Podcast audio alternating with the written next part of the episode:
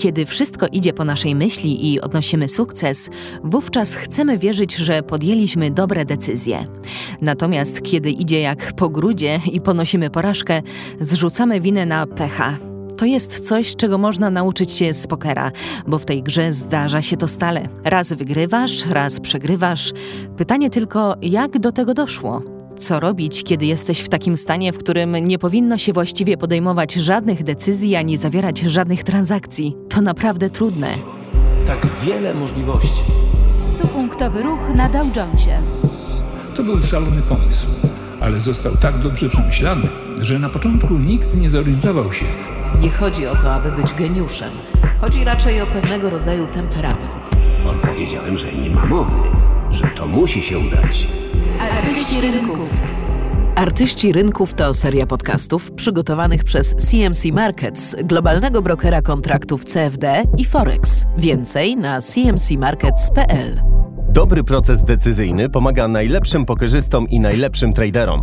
W dzisiejszym odcinku porozmawiamy z Annie Duke, byłą mistrzynią turnieju World Series of Poker, która do perfekcji opanowała sztukę podejmowania trudnych decyzji. Trakcie ponad 20-letniej kariery zawodowej pokerzystki, Annie Duke nauczyła się, jak zachowywać zimną krew w obliczu niepewności, jak rozpoznawać błędy poznawcze i stereotypy w myśleniu oraz jak je wykorzystywać, aby ostatecznie podjąć dobre decyzje.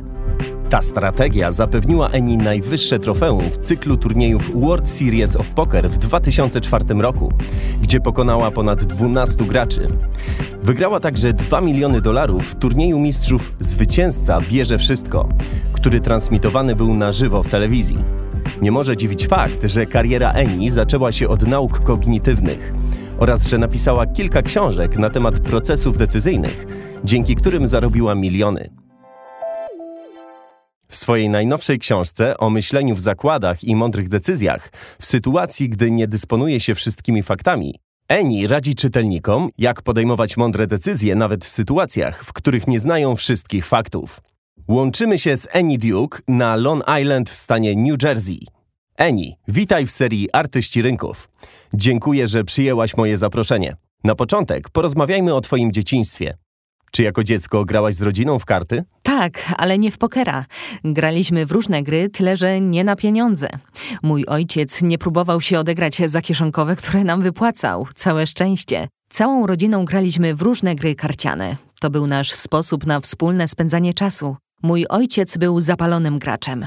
Miał także teorię, że nigdy nie należy dawać dzieciom forów i pozwalać im wygrywać, co doprowadzało mnie do szału, bo byłam najmłodszym graczem i zwykle to ja przegrywałam.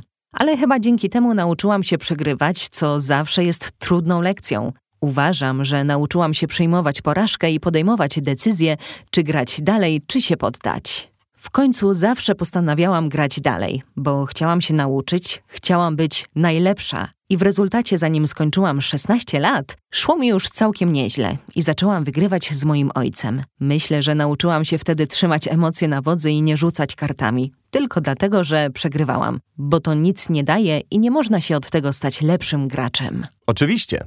A dlaczego wybrałaś psychologię kognitywną jako kierunek studiów? Miałam obowiązkowe zajęcia z psychologii i bardzo mnie to zainteresowało. Wiesz, jak działa mózg.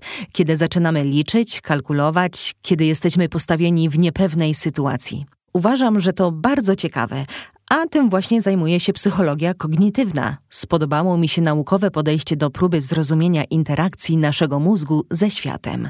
Jak stawiamy hipotezy, jak je testujemy, jak wykorzystujemy dostępne dane. Pozwala to zrozumieć dane statystyczne i co one naprawdę znaczą. W ten sposób zrozumiałam, jak bardziej kreatywne myślenie łączy się z podejściem naukowym, matematycznym. I chyba tego właśnie potrzebowałam. Zanosiło się więc na to, że zostaniesz naukowcem. Jak zatem wylądowałaś przy pokerowym stole? To był przypadek, zrządzenie losu. Nie chodzi mi o to, że zdaje się w życiu na ślepy los, ale mój brat w wieku 18 lat wyjechał do Nowego Jorku i stał się bardzo dobrym pokerzystą. Ja z kolei poszłam na studia doktoranckie w Filadelfii, aby dostać się na Uniwersytet Pensylwanii i otrzymałam stypendium od fundacji National Science Foundation. Ale pod koniec studiów doktoranckich, kiedy miałam odbyć rozmowę w sprawie pracy na uczelni, dopadły mnie poważne dolegliwości żołądkowe, które wszystko zepsuły. Tuż przed zaplanowanymi rozmowami o pracę na dwa tygodnie wylądowałam w szpitalu i niestety musiałam odłożyć swoje plany kariery akademickiej na przyszłość, bo rok akademicki ma cykl sezonowy, a ja przegapiłam w ten sposób sezon i musiałam czekać na kolejny. Kiedy wyszłam ze szpitala i dochodziłam do siebie, znalazłam się w trudnej sytuacji finansowej. Nie miałam pieniędzy, nie miałam stypendium, a chciałam szybko stanąć na nogi i wznowić swoją karierę akademicką. Wtedy mój brat zasugerował, żebym zaczęła grać w pokera na pieniądze. Powiedział: Potrzebujesz pieniędzy, umiesz grać, ja cię jeszcze trochę podszkolę i zobaczymy, co z tego wyjdzie. Pojechałam do Columbus w stanie Montana, gdzie zaczęłam grać w kasynie. Potem trafiłam do Billings, gdzie odbywał się większy turniej. No i pokochałam to. Myślę, że było to po prostu praktyczne zastosowanie tego wszystkiego, czego uczyłam się na studiach, bo psychologia kognitywna zajmuje się w dużej mierze procesami poznawczymi w sytuacji niepewności. A ja właśnie tym zajmowałam się na studiach.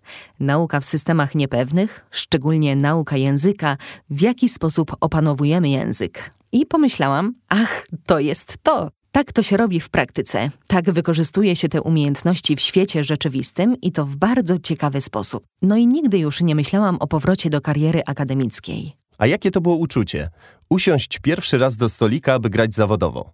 Co wtedy myślałaś?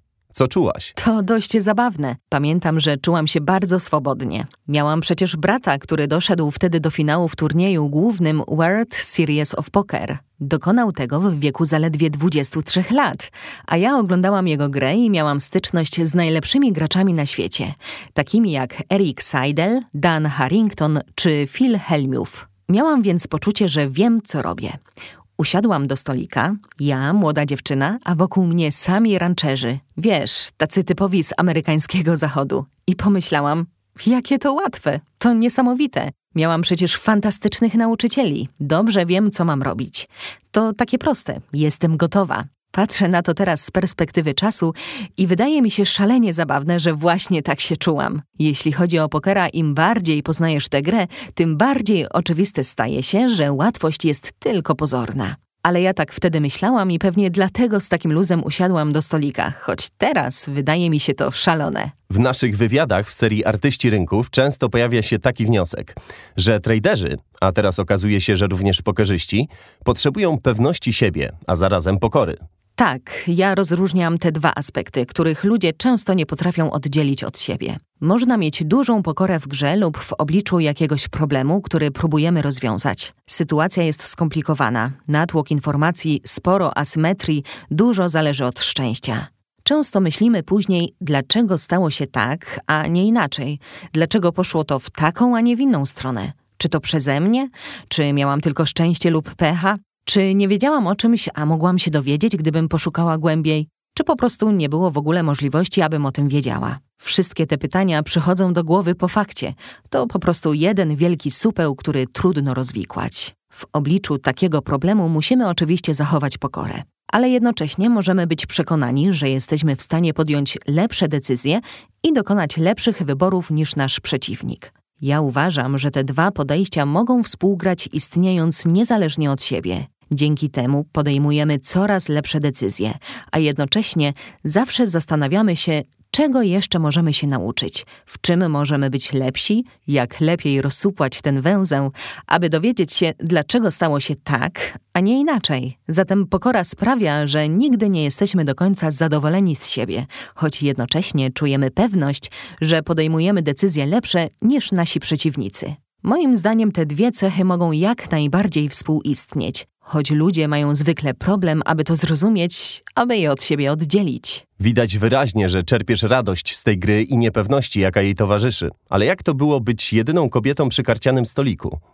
Czy pokerzystki muszą radzić sobie z innymi wyzwaniami niż pokerzyści? Och tak, znów spojrzę na to z dwóch stron. Jeśli chodzi o obyczaje panujące w pokoju pokerowym w czasach, kiedy zaczynałam i teraz, to zapewne wiele zmieniło się na lepsze. Nie gram od 2012 roku, ale na pewno od 2000 roku ta kultura zaczęła się zmieniać, szczególnie, że poker stał się grą coraz bardziej profesjonalną i turnieje były transmitowane w telewizji, więc w nowym tysiącleciu sytuacja uległa poprawie. No ale ja zaczynałam jeszcze w latach 90. No cóż, nie zliczę nawet ile razy otrzymywałam wiadomo jakie propozycje. Ile razy proponowano mi pieniądze, abym z kimś, no wiesz, Albo w przypadku przegranej ręki słyszałam takie słowa, jakich nie odważyłabym się powtórzyć w tym wywiadzie. To dlatego, że ludzie naprawdę wkręcają się w grę, kiedy stawiają na szali takie kwoty, które są dla nich znaczące. Kiedy więc przegrywają, sporo tracą i to ich bardzo uderza po kieszeni. Trochę tak jak kiedyś na giełdzie kiedy maklerzy faktycznie spotykali się ze sobą na parkiecie. Teraz już tak nie jest, ale kiedyś to tak przecież wyglądało. Przypominało to wtedy grę w pokera. Wygrywałeś lub przegrywałeś twarzą w twarz z przeciwnikiem. Dokładnie tak musiałeś patrzeć w twarz człowiekowi, który właśnie zabrał twoje pieniądze. A w moim przypadku przeciwników bolał nie tylko fakt, że tracili sporo pieniędzy. Najbardziej bolało ich to, że przegrywali z dziewczyną. Często były to zatem niemiłe sytuacje. Chcę tutaj podkreślić, że nie dotyczy to wszystkich mężczyzn, z którymi grałam, nawet nie w większości z nich, absolutnie nie. Wielu mężczyzn traktowało mnie normalnie, jak każdego innego gracza, jak zwykłego przeciwnika. Ale niestety nie wszyscy. No i niestety obyczajowość panująca w tamtych czasach sprawiała, że nikt nie reagował, nikt nie zwracał takiej osobie uwagi, że niewłaściwie się zachowuje. A co do mnie, po prostu liczyłam na to, że te postawy będą się stopniowo zmieniać na lepsze. Sądzę, że dzięki mojej obecności w świecie pokera oraz obecności innych kobiet takich jak Jennifer Harman, Barbara Enright czy Cindy Violet, coraz więcej kobiet wchodziło w ten świat jako zawodowi gracze. Sytuacja stopniowo zaczęła się zmieniać, choć wiedziałam, że te zmiany będą zachodzić bardzo powoli. I wtedy postanowiłam skupić się na czymś innym. Ponieważ niektórzy gracze bardzo emocjonalnie reagowali na fakt, że grali przeciwko dziewczynie, zaczęłam się zastanawiać, jak mogę to obrócić na swoją korzyść. I wtedy zdałam sobie sprawę, że właśnie w tych szalenie emocjonalnych reakcjach leży ogromny potencjał, bo ludzie targani emocjami niekoniecznie będą postępować racjonalnie i podejmować dobre decyzje grając przeciwko mnie. Odkryłam przede wszystkim, że istnieje jeden typ mężczyzn. I znowu chcę podkreślić, że absolutnie nie mam tu na myśli wszystkich mężczyzn, ale ten jeden typ mężczyzn nieracjonalnie ocenia sytuację grając przeciwko kobiecie. Tacy mężczyźni przystępują do gry z masą stereotypów na temat tego, kim jestem i w jaki sposób gram. I nawet jeśli udowodnię im, że są w wielkim błędzie, oni dalej nie przyjmują tego do wiadomości. Kiedy to zrozumiałam, pomyślałam sobie, że choć jest to w zasadzie paskudne, to przecież ja mam do wykonania przy tym karcianym stoliku określone zadanie. Muszę podjąć lepsze decyzje niż mój przeciwnik. I zdałam sobie sprawę, że dzięki temu zyskuję nad nimi przewagę. I to chyba pozwoliło mi podchodzić do tego typu sytuacji ze stoickim spokojem. Po prostu stwierdziłam, Okej, okay, będę próbowała powoli zmieniać tę seksistowską kulturę w świecie pokera, ale jednocześnie mogę ją obrócić na swoją korzyść, bo w tych emocjonalnych interakcjach z mężczyznami leży wielki potencjał, który pozwoli mi wygrywać, jeśli tylko będę trzymać własne emocje na wodzy. Czyli choć takie traktowanie ciebie było paskudne, to jednak potencjalnie również korzystne dla ciebie. Dokładnie. Jednym z największych bestsellerów na temat rynków finansowych jest oczywiście seria autorstwa Jake'a Schweigera, zatytułowana Czarodzieje rynku, czyli zbiór wywiadów, jakie przeprowadził z najlepszymi traderami. Ja z kolei miałem zaszczyt posadzić Jacka po drugiej stronie mikrofonu i przepytać, czego dowiedział się od największych traderów branży. To, co mi opowiedział, było często zaskakujące. To jest, że każdy wybitny trader, jakiego znał, wypracował swój własny, unikalny styl, co tylko potwierdza tezę, że nie istnieje jedno właściwe podejście. Najważniejsze w tradingu jest wypracowanie własnego stylu i metody. Eni, muszę cię teraz zapytać o rozgrywki, które przegrałaś, w których popełniłaś błędy. Och, pamiętam je doskonale. Mam dla ciebie naprawdę dobrą historię. Poker z czasów sprzed transmisji telewizyjnych to była zupełnie inna gra. W ostatnim roku, zanim rozgrywki trafiły na ekrany telewizorów, w turnieju głównym brało udział około 800 osób. Natomiast w pierwszym roku transmisji telewizyjnych liczba ta urosła do niemal 3000 i zmiana ta zaszła zaledwie w ciągu roku. Nagle pojawiło się mnóstwo nowych graczy mających zupełnie inne podejście do gry. Kiedy należy spasować, co to jest dobre rozdanie i tak dalej. Na dodatek właśnie w roku, w którym poker szturmem zdobył telewizję, ja urodziłam swoje najmłodsze dziecko. Byłam więc jakieś sześć miesięcy do tyłu. Nie wiedziałam, jak grają ci wszyscy nowi gracze. I właśnie dlatego pewną partię rozegrałam w sposób naprawdę idiotyczny. Grałam w turnieju i podbiłam, mając w ręce króla i królową, a gracz z Big Blyden sprawdził mnie. Postawił pierwszy w kolejnej rundzie, a na stole leżały takie karty, że gdybym trafiła waleta, miałabym dużego streeta. Był as, dziesiątka i coś tam jeszcze. Czyli miałam asa, króla, królową, blanka, czyli pustą kartę oraz dziesiątkę. Potrzebowałam tylko waleta. Ten gość postawił, a ja go sprawdziłam. Ale nie dlatego, że chciałam zdobyć waleta, tylko chciałam go zablefować na kolejnej karcie, bo kiedy on postawił, wówczas pomyślałam, że pewnie ma tylko jedną marną parę. Jeśli ktoś stawia zakład w takiej sytuacji, to logiczne jest, że najprawdopodobniej ma właśnie takie karty w ręce. W następnej kolejce nic się nie pojawiło, a tamten gość znowu obstawił, po czym ja podbiłam stawkę bardzo wysoko, tak jak planowałam. Ale on mnie przebił. Nawet nie zdążyłam rzucić żetonów do puli po podbiciu stawki. A on już chciał mnie sprawdzać. Bardzo podekscytowany. Pomyślałam więc, o nie, spartaczyłam tę rundę. Na pewno ma mocne karty w ręce, ale spokojnie, w ostatniej karcie trafiłam waleta. No i miałam bardzo mocny układ, najlepszy jaki mógł mi się trafić. I zgarnęłam wszystkie żetony. A wtedy ten gość pokazał mi z niesmakiem swoje karty, asa i dziewiątkę. Dlaczego pamiętam tę grę tak dobrze? Dlaczego uważam ją za ciekawą i pouczającą? Bo on faktycznie miał takie karty, jak myślałam, słabą parę. Czyli to odczytałam dobrze, zgadłam, jakie miał karty. Zupełnie się jednak pomyliłam co do tego, jak on sam oceniał swój układ. Przed rewolucją telewizyjną gracze oceniliby go jako bardzo słaby. Ale w tamtym roku przez jakiś czas, choć oczywiście teraz już tak nie jest, niektórzy gracze uznaliby, że były to bardzo dobre karty, a ja po prostu nie miałam o tym pojęcia.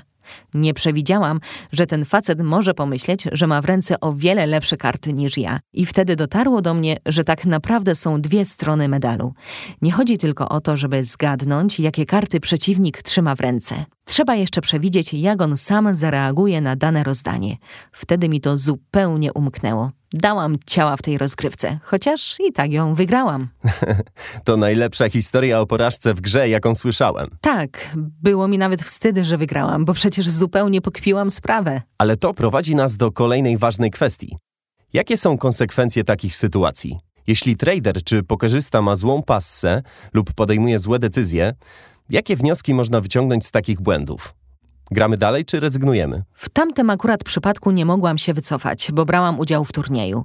Fakt, że w tej jednej rozrywce pomyliłam się tak fatalnie, bardzo mnie zdenerwował. Musiałam szybko poukładać sobie w głowie, jak grać dalej. Musiałam natychmiast wyciągnąć wnioski. Ach, więc ci ludzie oceniają swoje karty nieco inaczej, niż można by się spodziewać. Muszę więc na to bardzo uważać. Muszę zmienić swój sposób interpretowania i oceny sytuacji. Musiałam się mocno skupić, aby nie zepsuć kolejnego rozdania. I na tym właśnie polega wyzwanie w grze, nawet jeśli nie jesteś uwięziony przy stoliku, tak jak podczas turnieju. Nawet w zwykłej grze na pieniądze czy w pracy tradera musimy umieć rozpoznać, kiedy jest zły moment. Co robić, kiedy jesteś w takim stanie, w którym nie powinno się właściwie podejmować żadnych decyzji ani zawierać żadnych transakcji? To naprawdę trudne. Myślę, że udział w turnieju, kiedy jesteś właściwie zmuszony do podjęcia kolejnej decyzji, pomaga rozpoznać i przepracować takie sytuacje a wtedy możemy to wykorzystać w innych sytuacjach, kiedy istnieje możliwość wycofania się i zakończenia gry. Czy powinnam teraz wstać i odejść od stolika, bo nie mogę się uspokoić, czy też grać dalej i zastanowić się później, czy podjęłam słuszną decyzję? Cały czas mówisz o analizowaniu decyzji, a nie ich konsekwencji. To dlatego, że decyzje i ich rezultaty to dwie różne rzeczy. Nie możemy analizować naszego procesu decyzyjnego, który tak naprawdę jest najważniejszy, wyłącznie w oparciu o wynik końcowy. Czy wyszliśmy na plus, czy na minus? Czy decyzja była słuszna, czy niesłuszna? Po prostu stwierdzam, że wynik nie powinien nas interesować, bo gdyby interesował nas jedynie wynik, doszlibyśmy do wniosku, że byłam świetna, bo trafiłam tego waleta, a przecież miałam na to tylko 8% szans.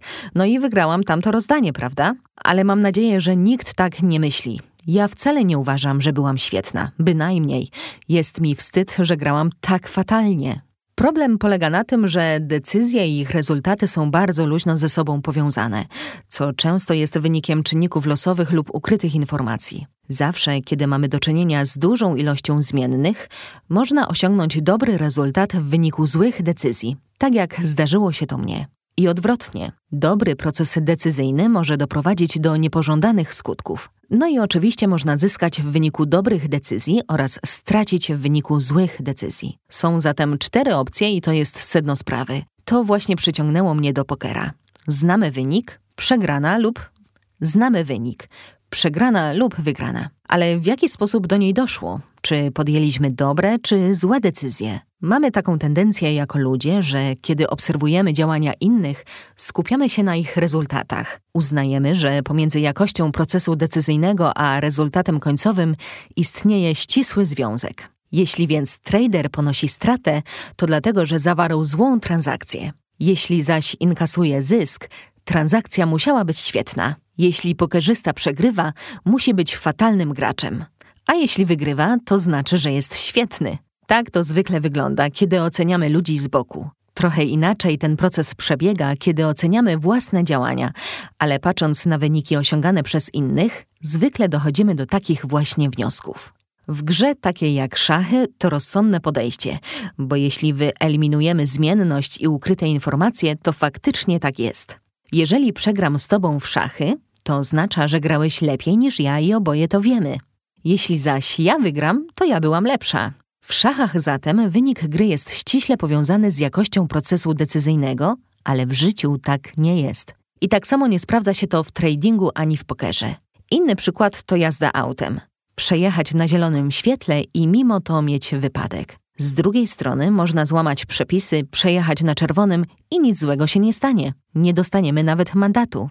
Tak to wygląda w życiu. Jest to spory problem, bo skupiamy się zwykle na rezultatach, na osiąganych wynikach, a to rzuca poważny cień na to, jak postrzegamy rzeczywistość wokół nas. Jeżeli znamy rezultat, może to wypaczyć sposób, w jaki oceniamy podejmowane po drodze decyzje. Jeśli powiem jednej grupie ludzi, że wygrałam na giełdzie, a drugiej grupie, że przegrałam, a następnie każe im ocenić ten sam proces decyzyjny, który do tego doprowadził, to ich odpowiedzi będą zupełnie różne. Na pytanie, co sądzicie o jakości moich decyzji, obie grupy udzielą mi różnych odpowiedzi. W tym właśnie szkopuł, bo nawet jeśli staramy się tak nie robić, nawet jeśli analizujemy wyłącznie jakość procesu decyzyjnego, to i tak nasza ocena podjętych decyzji nie będzie racjonalna i obiektywna, jeśli znamy ostateczny wynik. Czyli łatwo nas wieść przez losowość. Właśnie, tak jak w tytule tej książki. Świetna książka, nawiasem mówiąc. Tak, świetna. Autorem jest Nassim Taleb, prawda? Racja. No dobrze.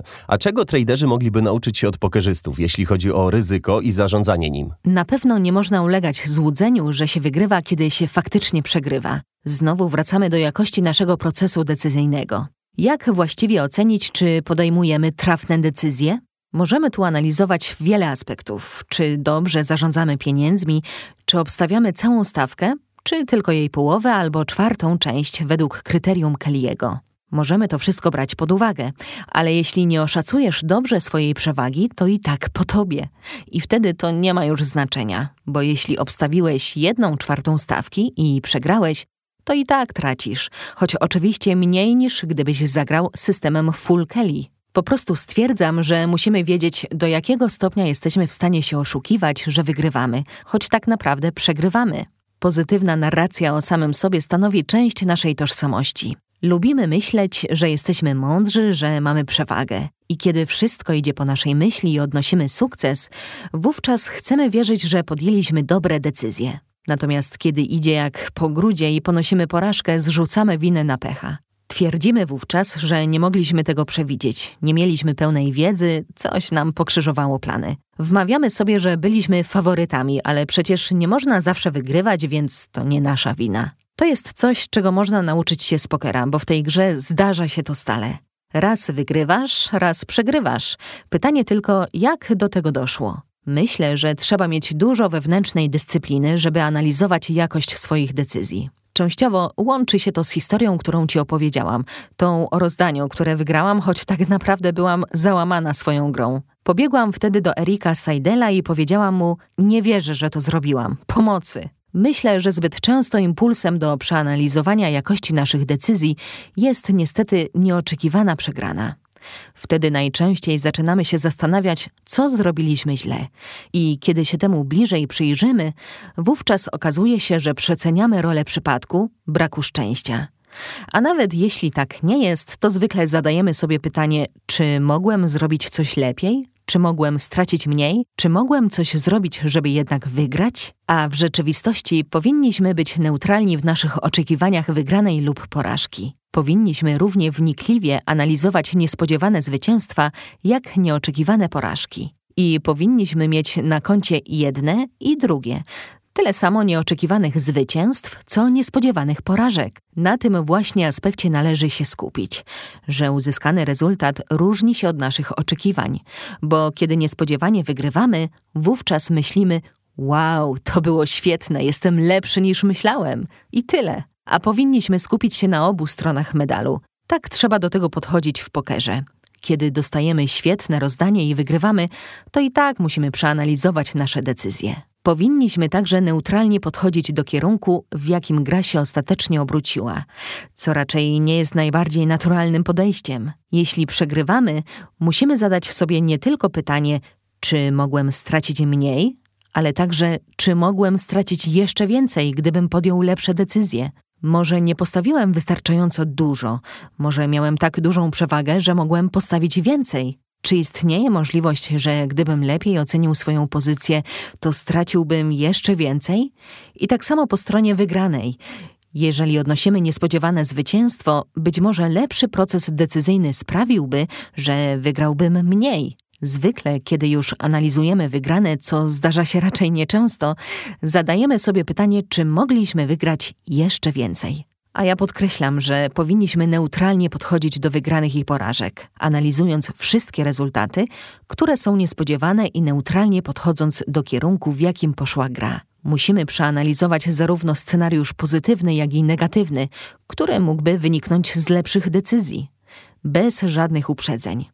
Dzięki temu przyzwyczajamy mózg, aby nie skupiał się na samym wyniku, bo przecież nie o wynik tutaj chodzi, tylko o to, żeby był on nieoczekiwany. I właśnie na tym aspekcie należy się skupić. Takie podejście zawdzięczam mojemu bratu i Erikowi. Usłyszałam od nich, Przestań już opowiadać o tych partiach, które przegrałaś, bo przecież popełniałaś błędy również w tych wygranych. Może dla odmiany opowiesz coś o nich? Trafna uwaga. Oczywiście łatwo to odnieść do świata tradingu. Jako traderzy często analizujemy nasze decyzje w przypadku porażki. Ale jako osoba kierująca pracą innych traderów zauważyłem, że czekają na nich tak naprawdę dwa niebezpieczeństwa. Pierwsze z nich to oczywiście porażka, a drugie to wielka wygrana. Czy to samo można powiedzieć o pokerzystach po zakończeniu turnieju? O tak, absolutnie.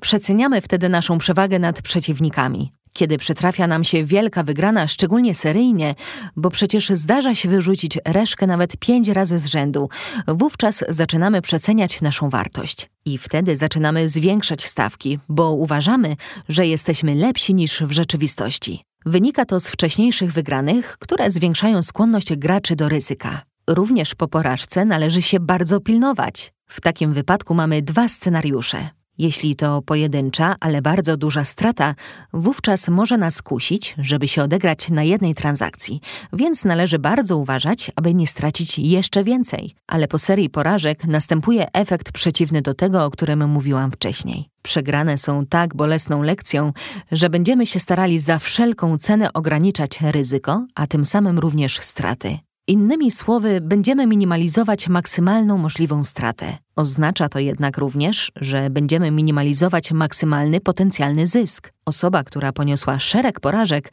będzie unikać ryzyka jak ognia. Musimy więc mieć świadomość obu stron medalu i wiedzieć, że niebezpieczeństwa czyhają zarówno na przegranych, jak i na zwycięzców. A czy możesz nam opowiedzieć, co właściwie dzieje się w mózgu, kiedy trwa proces decyzyjny? W procesie decyzyjnym aktywizuje się przedczołowa część kory mózgowej. Dzięki temu jesteśmy w stanie opanować się po jakimś ważnym dla nas zdarzeniu, czy jest to porażka, czy wygrana, bo ta część mózgu odpowiada za świadome wybory, a nie za emocje.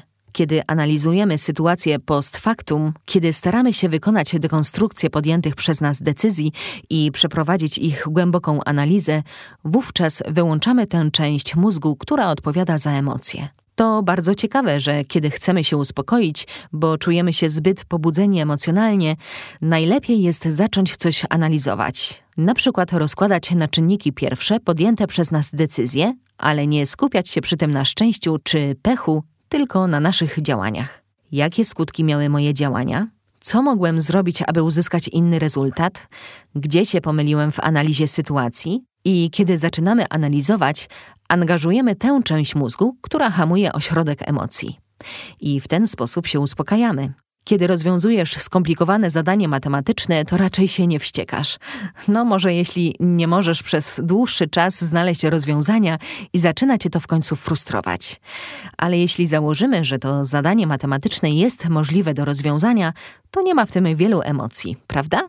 Z drugiej strony, kiedy jesteś bardzo rozemocjonowany, to raczej nie rozwiążesz zadania z matematyki, bo wtedy hamujesz aktywność przedniej części mózgu, a im bardziej ją aktywizujesz, tym lepiej ci pójdzie. W naszej serii sporo uwagi poświęcamy emocjom. Niektórzy traderzy i zawodowi pokerzyści starają się od nich odciąć. Inni chcą je zrozumieć, zaakceptować i obrócić na swoją korzyść. Ty mówisz, że najlepiej uruchomić analityczną część naszego mózgu, kiedy jesteśmy zdenerwowani. Czy to oznacza, że sama raczej wyłączasz emocje w grze? Czy dobrze rozumiem? Ja chyba poruszam się między tymi dwoma stanami. Odpowiem na to pytanie na dwa sposoby. Po pierwsze, silne emocje są dla mnie sygnałem, że należy przystąpić do racjonalnej analizy. Mam na myśli taki stan, kiedy wali mi serce, policzki pieką, a przez głowę przelatują myśli: to takie niesprawiedliwe. Dlaczego właśnie mnie się to zawsze przytrafia? Zaczęłam to zapisywać, ten cały wewnętrzny monolog. Jestem w pełni świadoma istnienia tych sygnałów, dzięki którym wiem, że emocje biorą nade mną górę. A wtedy zaczynam analizować problem i wykorzystuję to, aby uruchomić czołowy płat swojego mózgu, skoncentrować się na tym, co może być użyteczne podjąć dobre decyzje. W tym sensie chyba jestem gdzieś po środku, jeśli chodzi o wyłączanie emocji. Staram się również przeanalizować, co wywołuje u mnie emocje. Emocje, które chcemy uspokoić, które zmuszają nas do przeanalizowania naszych decyzji, zwykle rodzą się z negatywnych zdarzeń, z niespodziewanych porażek. A ja uważam, że tyle samo emocji powinno pojawiać się przy nieoczekiwanej wygranej. Kiedy wygrywam niespodziewanie, to również powinno być dla mnie niepokojącym sygnałem i wywołać określone emocje. Oczywiście nie zawsze mi się to udaje, bo jestem tylko człowiekiem, ale staram się również takie sytuacje analizować, bo przecież wygrana nie powinna mnie zaskoczyć. Powinnam umieć ją przewidzieć, prawda? Czyli nie skupiam się na samym wyniku, tylko na procesie. Dlatego fakt, że nie przewidziałam wygranej, powinien mnie martwić tak samo jak niespodziewana porażka. Tak oczywiście nie jest, wiadomo, ale stawiam sobie taki cel i wykorzystuję te emocje, aby skupić się nad swoim procesem decyzyjnym i popracować nad nim, jeśli uznam, że jest to konieczne. Pracujesz teraz jako konsultantka i udzielasz porad przedstawicielom świata wielkich korporacji, biznesu, finansów i tradingu na temat procesu decyzyjnego i jakości podejmowanych decyzji. Czego właściwie ich uczysz? Czego oni od ciebie oczekują? Skupiam się na dwóch aspektach. Po pierwsze, jak w danej organizacji tworzona jest odpowiednia kultura decyzyjna. Czy zdania odrębne są brane pod uwagę? Czy są uwzględniane w procesie decyzyjnym?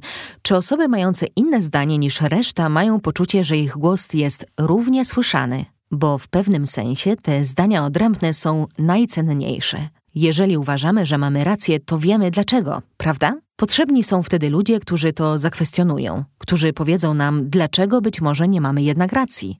Sztuka polega na tym, aby taką atmosferę wytworzyć, aby tacy ludzie czuli się docenieni, aby wiedzieli, że mogą swobodnie przedstawiać swoje zdania odrębne, swój inny punkt widzenia. Jeśli na przykład w danej organizacji panuje duży nacisk na wynik, to często ludzie nie będą chcieli podejmować trudnych decyzji, nawet jeśli ostatecznie mogłyby mieć one największą wartość. Będą podejmowali tylko takie decyzje, które pomogą im uniknąć gniewu przełożonych w razie niepowodzenia. Dojdzie wówczas do sytuacji fałszywego konsensusu, bo nikt nie lubi, gdy ktoś na niego krzyczy i obwinia za porażkę. I wszyscy obecni będą się zgadzać z tym, co mówisz. Tak naprawdę doradzam, jak stworzyć w organizacji taką kulturę, aby tego typu zachowań i myślenia unikać. Jak zorganizować proces decyzyjny tak, aby zdania odrębne były jego elementem, bo są one niezwykle cenne. Gra zespołowa wcale nie polega na tym, że należy się zgadzać ze wszystkimi. Myśląc sobie po cichu, nie, nie sądzę, żeby to był dobry pomysł. I nie zgłaszając tego na forum. Ma to zły wpływ na proces decyzyjny i na kulturę panującą w danej organizacji. Myślę, że to doskonałe podsumowanie dzisiejszego wywiadu. Eni, bardzo Ci dziękuję za poświęcony nam czas. To była fascynująca rozmowa. To ja dziękuję. Świetnie się bawiłam.